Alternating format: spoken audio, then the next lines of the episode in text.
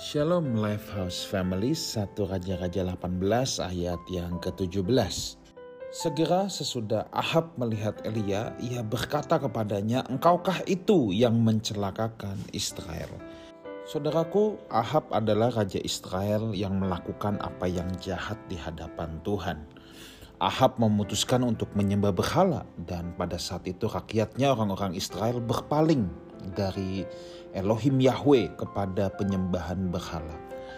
Maka Elia menyampaikan firman Tuhan bahwa tidak akan ada embun maupun hujan di negeri itu ya. Kalau saudara nanti baca di 1 Raja-Raja 17 ayat yang pertama. Dan itu betul terjadi selama tiga tahun Tuhan meminta Elia kembali menemui Ahab. Sayangnya Raja Israel itu bukannya bertobat, menyesali kejahatannya, ketidakbenaran yang ia perbuat ya dan memperbaiki segala sesuatu. Eh malah dia langsung menuduh Elia bahwa kekeringan itu Elia yang bikin. Makanya dia bilang Elia engkaukah itu yang mencelakakan Israel? Saudaraku kita bayangkan di posisi Elia. Ia berkata yang benar tetapi ia tidak dalam posisi yang enak sebab apa yang ia katakan menentang raja Bahkan ia dituduh bahwa dialah yang mencelakakan Israel. Saudara kadangkala kalau kita mau berkata yang benar, seolah-olah sering kali kita yang menjadi terpojok. Kita yang menjadi tersudut ya. Kenapa orang takut berkata benar ya? Bisa jadi karena mengatakan kebenaran itu memang selalu mengandung risiko ya. Contoh saja dari SD ya.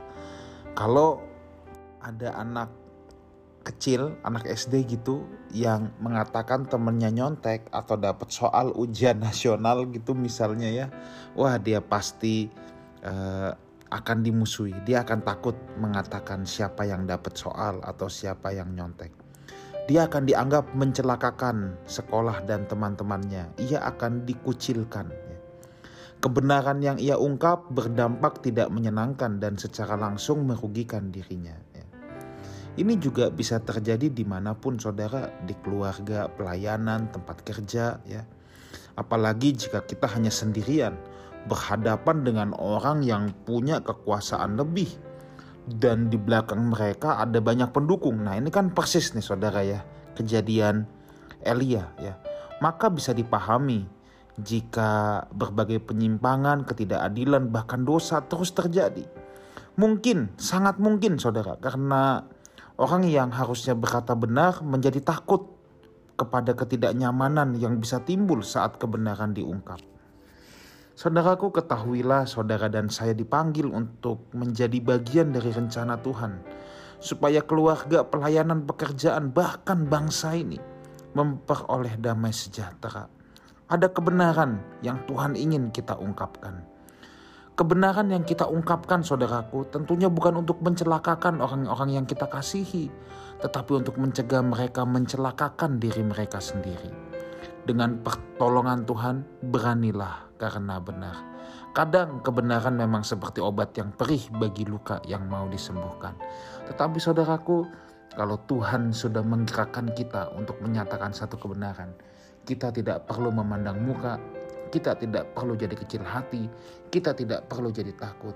Kita harus lebih takut kepada Tuhan daripada kepada manusia. Kiranya Tuhan Yesus menyertai kita semua dan kita semua menjadi orang-orang yang berani. Berani bukan karena kuat, fasilitas, uh, backingan, tetapi kita berani karena benar. God bless you all.